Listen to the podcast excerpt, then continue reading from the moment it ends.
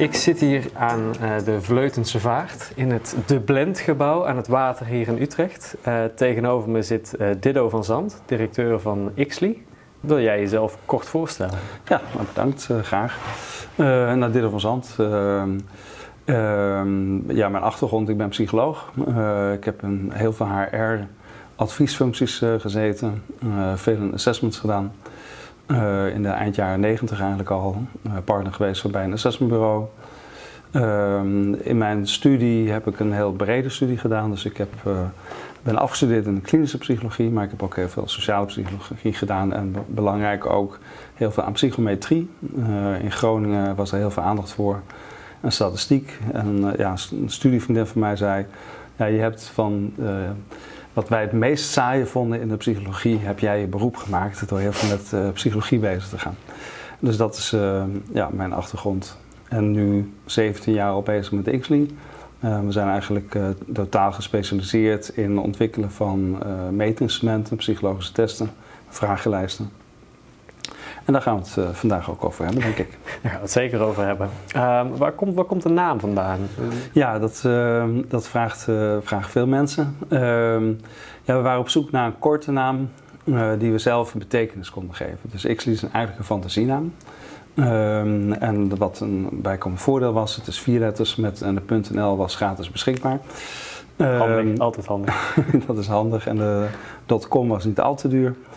Uh, uh, maar het staat een beetje voor XL, uh, internet data gebruiken op grotere schaal, ehm, XI onderzoek doen, data-analyse.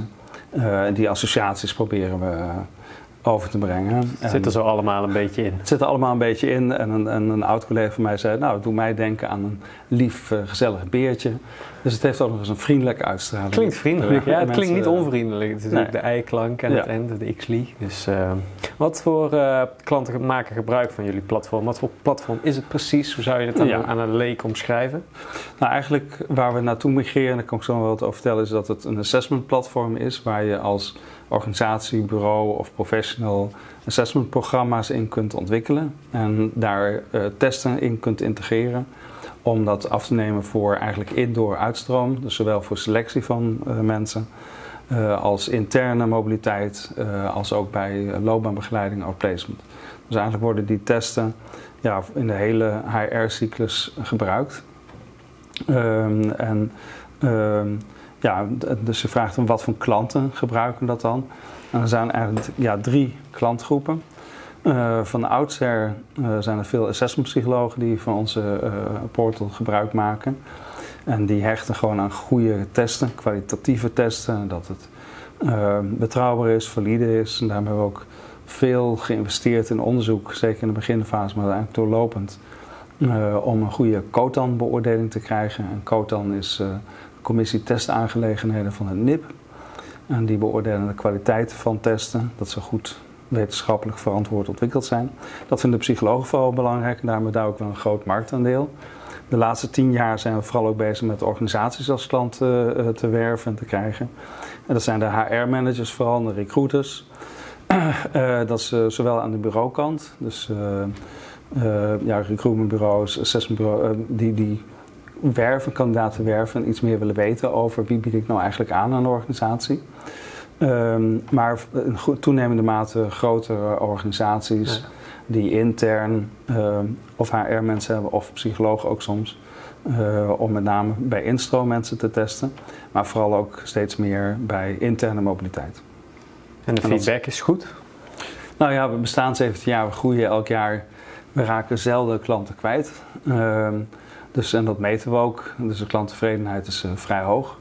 Um, en ook de churn heet dat tegenwoordig, maar in ieder geval we raken zelden klanten kwijt op basis van de, de kwaliteit van wat we leveren. Ja, dus uh, ik mag wel stellen dat dat uh, goed gaat. en, en, wat er ook leuk is, dat we steeds meer internationale klanten werven. voor een deel in Duitsland en in België. maar ook in Italië, waar we een partnership hebben met een Italiaanse partner die daar de implementaties uh, verzorgt. Liep of loopt Nederland dan voorop op dit gebied? Of want je zegt, nou ja, nu verspreidt het zich langzaam naar andere Europese landen. Ja, nou, de, Nederland loopt in zekere zin voorop.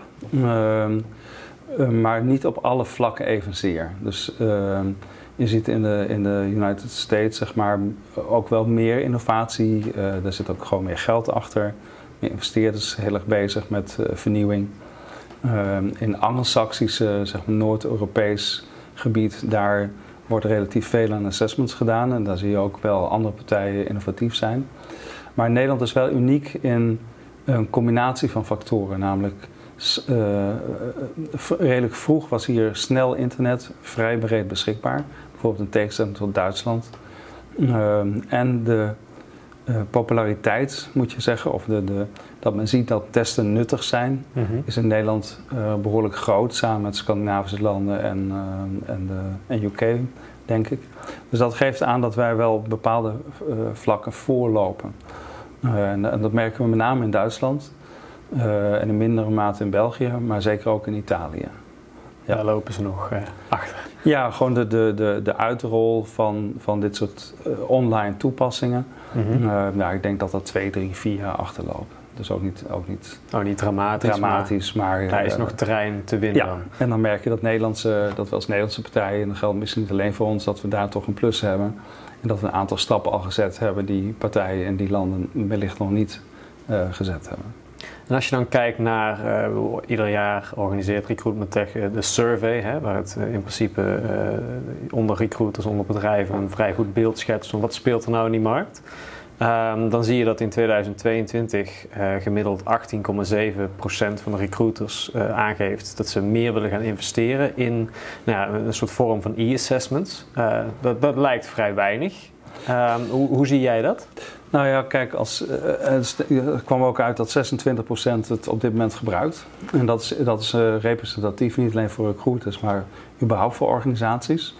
Uh, dus dat betekent dat ook bijna 75% het nog niet gebruikt. Dat zien we ook als kans.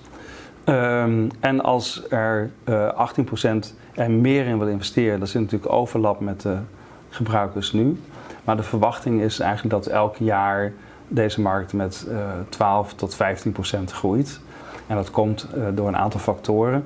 Eén, dat meer organisaties er nut ervan inzien uh, en het meer gaan toepassen. Dat ze het ook meer gaan inzetten, niet alleen op hoge niveaus, maar ook op, zelfs op uitvoerniveau. Een soort democratisering mm -hmm. zou je kunnen zeggen. en verder zie je dat mensen vaker ja, wisselen van functie, ook intern. En dat er dus ook vaker uh, behoefte is aan goede informatie over personen. Van wat willen ze, wat kunnen ze, hoe kunnen ze ontwikkelen. En dus in zijn totaliteit zal het volume uh, toenemen. Maar ik ben met je eens, er is nog een wereld. Ja. ja. Het uh, is voor jullie inderdaad nog een mooie kans, zoals je zegt. en als je dan nu een beetje terugblikt op de krapte die toch nog al even aan het aanzetten is op de Nederlandse en überhaupt brede Europese wereldwijde arbeidsmarkten. Um, heb jij een verschuiving gezien in de interesse in e-assessments vanuit organisaties of vanuit kandidaten die zeggen: Ja, ik, ik heb de banen toch voor het uitkiezen, dus waarom zou je mij een, een assessment voorschotelen? Ja, nou, dat is inderdaad heel, heel, grappig of goed dat je dat zegt, want dat is een belangrijke ontwikkeling natuurlijk, de schaarste. En daar worstelen heel veel organisaties mee. Uh, sommige branches meer nog dan andere en sommige functiegroepen meer dan andere. Maar het heeft een aantal. Uh, ja, eh, effecten, die schaarste. Mhm. Ehm, aan de ene kant wil je meer testen op soft skills. Dus dat betekent op de hard skills puur testen, dat lukt niet meer, want dan vind je te weinig mensen. Precies. Dus dat betekent dat je eigenlijk een voorspelling moet doen van hé, hey, dat is iemand die heeft niet precies de juiste diploma's, niet precies de juiste uh, ervaring. Maar waar ga je dan op selecteren? Ja, op talent. En om die talenten zichtbaar te krijgen, daar is een assessment bij uitstek een goed middel voor. Je kijkt gewoon even onder de motorkap als het ware van hé, wat heeft deze persoon in huis. Dus er zijn al uh, opdrachtgevers die zeggen nee, wij zetten een assessment niet in als selectiemiddel, maar als een soort talent discovery program. Als we gaan kijken van nee, je mag bij ons komen werken, uh, geen, geen probleem. Maar we gaan even kijken waar je het best inzetbaar bent en hoe wij je het beste kunnen ontwikkelen. En het op die manier brengen, uh, vergroot eigenlijk de behoefte aan assessment. Maar ik ben met je eens, er zijn partijen die zeggen, ja, assessment is een extra drempel. Laten we dat vooral niet doen. Uh, je loopt dan wel het risico dat je meer mishires krijgt. En dan heb je wel een korte termijn oplossing, maar een lange termijn probleem. Precies. Ja, want als je snel iemand aanneemt, want ja, we moeten maar iemand aannemen, uh, laten we maar proberen. En dan, dan zie je dat ja, iemand in zeker een cruciale positie, zoals iemand aanneemt die je eigenlijk niet voldoet, mm -hmm. dan heb je een groter probleem geïmporteerd. Dus ja, uh, dat half uur uh, dat je bespaart of één dag winst, kan je een jarenlang probleem opleveren. Precies. En dat, dat verschilt natuurlijk wel wat voor functies het gaat. Uh, sommige functies zit er weinig verschil in performance tussen de een en de ander. En dan gaat het puur om dat je handjes binnenkrijgt. Maar voor functies waar, ja, waar de mate van talent voor die functie verschilt, dat een, een, topper wel twee, drie keer zo goed presteert als een, een flopper, om het maar eens even populair te zeggen. Dan, ja, dan loont dat enorm om dat wel te doen. Maar je hoeft het dus niet alleen als een soort drempel, als iets negatiefs te presenteren. Je kunt het ook als een cadeautje presenteren. We gaan samen met jou kijken waar jouw talenten zitten. Precies. Om je, en de behoefte aan ontwikkeling bij jongeren, ja. eh, met name, is heel erg groot. Ja, dat is ook een van de belangrijkste motieven om ergens te gaan werken. Um, en, en dat kun je materialiseren door bij start eigenlijk al een soort ontwikkelassessment aan te bieden. Nou, dat, dat is wel een trend die we zien, maar de andere trend zie je ook. Uh, dat, dat bedrijven zeggen, nee, ik doe maar geen test, want kom maar binnen. We moeten binnen een uur een uh, contract voorschoten. Ja, ja precies. Spreken, ja. Ja, um, maar, maar, is dat dan vanuit jullie klanten de belangrijkste drijfveer? Hè? Juist die soft skills willen ontdekken en dus een soort traject ingaan? Of? Nou ja, het, het, het assessen van een assessment kijkt juist vaak naar competenties of soft skills. En uh, bij, bij, uh, bij organisaties zijn het vaak de hiring managers en de, de recruiters die naar de hard skills kijken. En ons type middelen worden vaak ingezet juist om de soft skills naar boven te krijgen.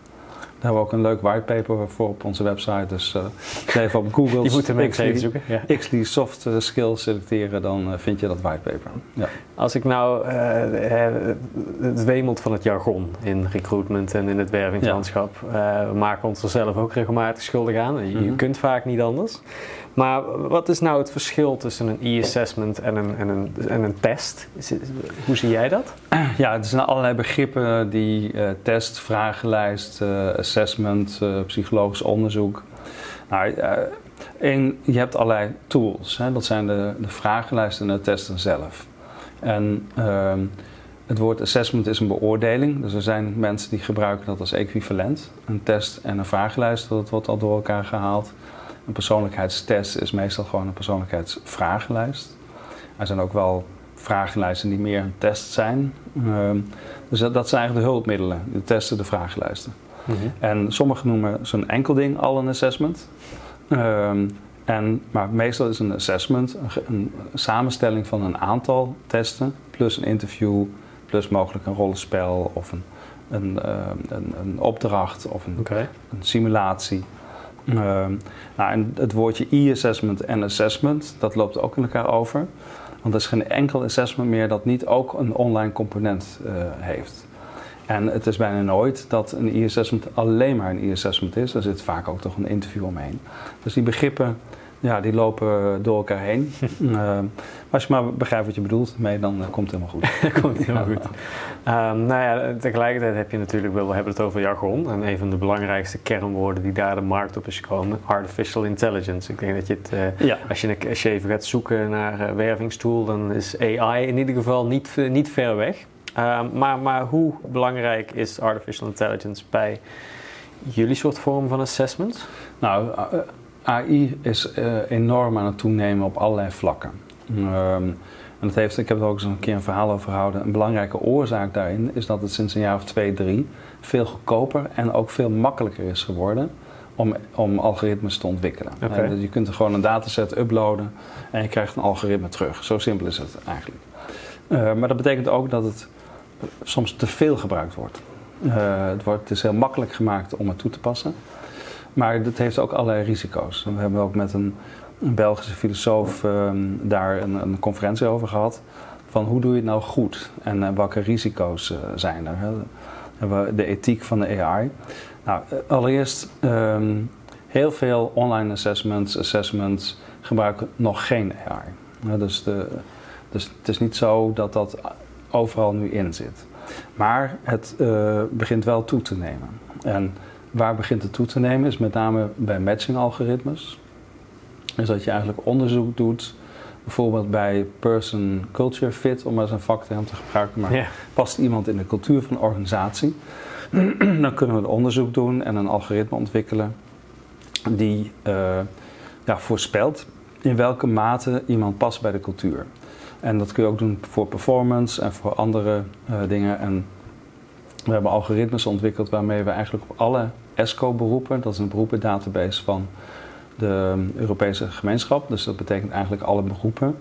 Eh, dat zijn er zo'n 4000, hebben we algoritmes ontwikkeld om te voorspellen wat jouw match is met een van die beroepen. Nou, ehm, alleen, je moet dat wel heel zorgvuldig doen. Ehm, en er zitten heel veel risico's aan het toepassen, blind toepassen van AI. Mhm. En dat is één, één, je moet zorgen dat de data die je invoert in het model, dat die klopt en relevant is. En AI heeft, kan uitslaan op irrelevante kenmerken. Dus je moet er heel erg voor zorgen dat die niet, ook niet onbedoeld in je dataset terechtkomen. Dus dat is, dat is één. Het- een tweede is dat je niet moet eh, zeg maar op een ruwe data eh, heel veel erin voert, maar meer gestructureerde data. En bijvoorbeeld bij een persoonlijkheidsvragenlijst, die heeft allemaal vragen en schalen. Mhm. En we zien dat je als je vragen invoert, dat die dan op, op sommige atypische dingen uitslaat. Terwijl je eigenlijk op variabele niveau dat zou moeten doen. Precies. En, nou, en, dat, ehm, eh, en dat is ook wel wat je hoort op schandalen, is dat, dat, ze, eh, dat ze gewoon alle data invoeren in het model en dan komt eruit, ja, met een tweede nationaliteit heb je meer kans op fraude. Eh, maar dat wil je eigenlijk niet. Dus je moet aan de voorkant zorgen dat er goede data in het model komt. En een ander belangrijk eh, punt is generaliseerbaarheid. AI is heel goed in het onderkennen van patronen. Mhm. Dus als je een groep mensen data invoert, dan gaat er een patroon uitkomen. Tuurlijk. Het komt van mensen. Dus. Ja, dus, maar alleen de kernvraag is: de volgende 100 mensen die je in het, systeem invoert, ga je die dezelfde kenmerken hebben of niet? Dus wij doen altijd wel een wedstrijdje tussen klassieke statistiek en AI. En AI wint het vaak in de voorspelbaarheid binnen een populatie. En klassiek wint het ook nog steeds vaak in generaliseerbaarheid. Dat het niet alleen geldt voor die ene populatie, maar in, in algemene zin. En dan nog een laatste, en dan, uh, anders praat ik het hele podcast daarop. Dat is niet. Kunnen we ook nog een keer doen wellicht. Maar uh, is dat, dat er voldoende data moet zijn. En, en voldoende data is echt meer dan 100 en dat is al weinig.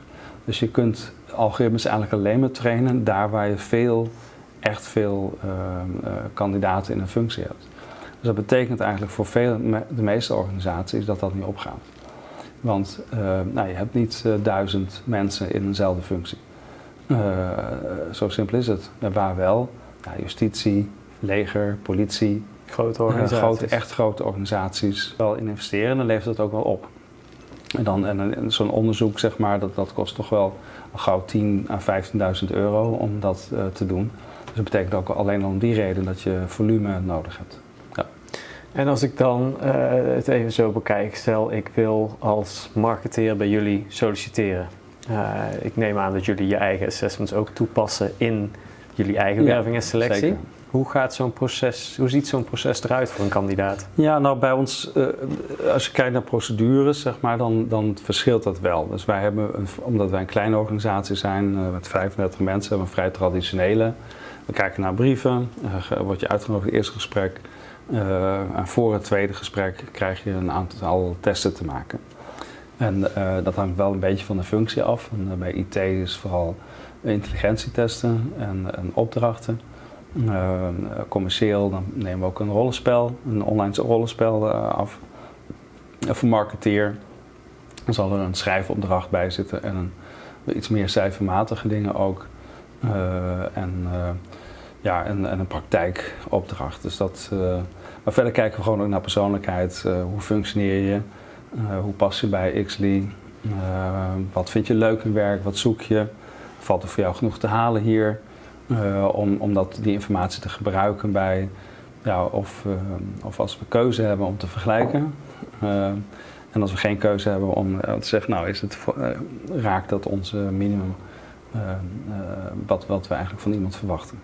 Dus daarin zit eigenlijk het stuk waarheid voor kleine organisaties. Ik bedoel, 35 man kunnen we geen grote organisatie noemen, maar is het dus gewoon mogelijk om, om dit soort dingen te doen. Want ik bedoel, wat je net zegt, uh, justitie, het leger, uh, defensie, leuk, dat zijn uh, hè, duizend, duizend man. Ja, dus, dus waar natuurlijk de winst voor heel veel kleine organisaties, ik bedoel, daar als je het hebt over wat kost een bad hire, het kost voor een kleine organisatie natuurlijk dermate veel meer, omdat het meteen een impact kan hebben op die organisatie. Ja, absoluut. Als je de, de, de business case, zeg maar, we hebben een ROI-calculator en een model waarin we kijken, of je hè, de investering in assessments, uh, wat dat oplevert. En van HR wordt steeds meer gevraagd van, hey, presenteer me de business case. Nou, dat hebben we voorbereid. Dat zijn een aantal parameters die je invoert en dan komt daar iets uit. Um, dus alleen één drempel is namelijk, je moet wel iemand hebben die met die testen om kan gaan. Dus en wanneer leer je daarmee omgaan? Ja, dat is met rijbewijs. Je kunt wel eens een rijbewijs houden, maar als je nooit in de auto stapt, dan ga je toch ongelukken maken. Uh, de eerste keer dat je na tien jaar wel weer in de auto stapt. Precies. Dus de, degene die dat toepast, die moet toch wel een vijftal kandidaten per maand maar heb je wel nodig om zo de expertise op te bouwen om dat, daar goed mee om te gaan. En, uh, dus dat betekent dat je van mid-size organisatie van vanaf 100 mensen of zo uh, ja, wij hebben volop expertise natuurlijk, maar veel bedrijven van onze omvang hebben dat niet. Ja. En, en, die koppelen we liever aan een van onze klanten. Maar vanaf dat je nou, minimaal dus uh, iets van 50 kandidaten, sollicitanten per jaar hebt, dan loont het de moeite om dat te overwegen. Precies, maar dat is natuurlijk voor de, de, degene die aangewezen is om de HR te doen. Het is natuurlijk ook een taak die je eigenlijk erbij leert. Het is om dit te kunnen analyseren en interpreteren. Heb jij klopt. die kennis en die, die, die oefentijd nodig, lijkt me. Ja, nee, dat klopt helemaal. Nu is het zo dat in veel opleidingen, ook uh, opleidingen HR, toegepaste psychologie, um, zit wel iets van testkennis in tegenwoordig. Um, en wij verzorgen natuurlijk een opleiding uh, daartoe. Dus een, uh, dat, dat, dat begint al bij één dag met vervolgens wat coaching on the job. Maar je hebt helemaal gelijk, je moet het blijven toepassen. Hè. Je moet, uh, als je het een half jaar niet gebruikt, ja, dan, dan verlies je de vaardigheid. Dus dat is de vraag die je als organisatie moet stellen. Van, en dan kun je al, alsnog wel een bureau inhuren om dat voor je te doen. Of mm -hmm. een, een, adviseur te vinden die op jouw terrein bekendheid is. We hebben heel veel kleine bureaus ook als klant. maar ook middelgrote en wat grotere adviesbureaus. Um, en, en daarnaast zie je zeg maar dat uh, grote organisaties ja, voor een, een hoge kader en managementposities toch altijd liever dat uitbesteden dan dat zelf doen. Ook, al is het alleen maar omdat er minder van zijn. Dus je, je, je, hè, daar waar bulk is, daar leer je snel. Ja. En dan ja, ben je toch wel aangewezen op de adviesbureaus om dat goed te doen goed te doen. Ja. ja. En wat zijn in uh, jullie ogen nou de belangrijkste trends voor de, voor de komende jaren op het gebied van e-assessments en, en test? Nou ja, we hebben net een, uh, een marktverkenning gedaan en uh, er zijn er een, een dertiental. maar Niet allemaal misschien. Het belangrijkste is verdergaande digitalisering. Ja. Ehm, steeds meer integreren in, in HR-oplossingen. dat, dat gaat steeds verder en uh, stap voor stap. En iemand zei wel eens, ja, vroeger had ik het gevoel dat de automatisering mij diende. En soms heb ik nu het gevoel dat ik de automatisering aan het dienen ben. Omdat daar ook wel ja, structuren in aangeboden wordt. Nou, gamification uh, is een trend. Uh, maak het leuk. daar komt het eigenlijk op neer. Voor kandidaten, ook in die war for talent. Je wil dat zo'n procedure aangenaam is. Ehm, daar zitten een aantal dingen in. En de toepassing van AI en het gebruik van AI zal ook uh, toenemen. En dat zijn wel de belangrijkste eigenlijk. Dat zijn de belangrijkste. En voor jullie zelf, uh, wat staat er voor, nou, laten we het korte termijn eerst eens doen, 2023. Uh, wat, wat ja. staat er zoal voor jullie op de roadmap? Ehm, nou, we zijn uh, ons assessment platform hebben we, zijn we totaal aan het vernieuwen. dus wij komen dit kwartaal nog met de eerste, eerste releases daarvan. En dat gaan we eigenlijk uh, verder uitrollen uh, naar het komend jaar. En dat is vooral ingezet op het digitaliseren van coaching, loopbaantrajecten, assessments. Zodat je eigenlijk vrij makkelijk een online ja, uh, portal kunt maken per project bijna en per functie bijna. Okay. Zodat je als, als HR kunt zeggen, nou ik maak een procedure voor de marketeer. En dan heb je een pagina die zegt, nou, informatie over de functie, wie ben ik, wie stel het bedrijf voor, waarom is het leuk om bij ons te werken. Ja. zou je deze testjes willen maken, deze kun je thuis maken, deze op bureau. En, en dat, dus die, dat is eigenlijk een belangrijke ontwikkeling, het assessment platform. dat, dat, ja, Q3 beginnen we daarmee, Q4 zal het aankomen en volgend jaar zal de functionaliteit toenemen. Dat is voor ons een hele belangrijke. En wat ik eerder al noemde, de algoritmes naar functies, daar zijn we heel erg mee bezig. Die zullen daar op een gegeven moment in geïntegreerd worden. Dus dat je eigenlijk vrij makkelijk kunt zeggen, nou we hebben deze cultuur, we hebben deze uh, job. Mm -hmm. En dat je dan kunt zeggen, uh, genereer het assessment wat daarvoor relevant is. Okay. En dat je data terugkrijgt per job. Dus dan krijg je een heel toegesneden rapportage. Uh, en dan maakt het ook mogelijk om kandidaten makkelijker met elkaar te vergelijken. Waarbij we er naar streven een goede combinatie tussen hard skills en soft skills uh, uh, te bewerkstelligen. Dat je eigenlijk beide invalshoeken in één vergelijkingsmodule kunt, kunt opnemen. Nou, daar zijn we al heel lang mee bezig. maar ik hoop nog steeds dat we eind dit jaar, begin volgend jaar daarmee kunnen komen.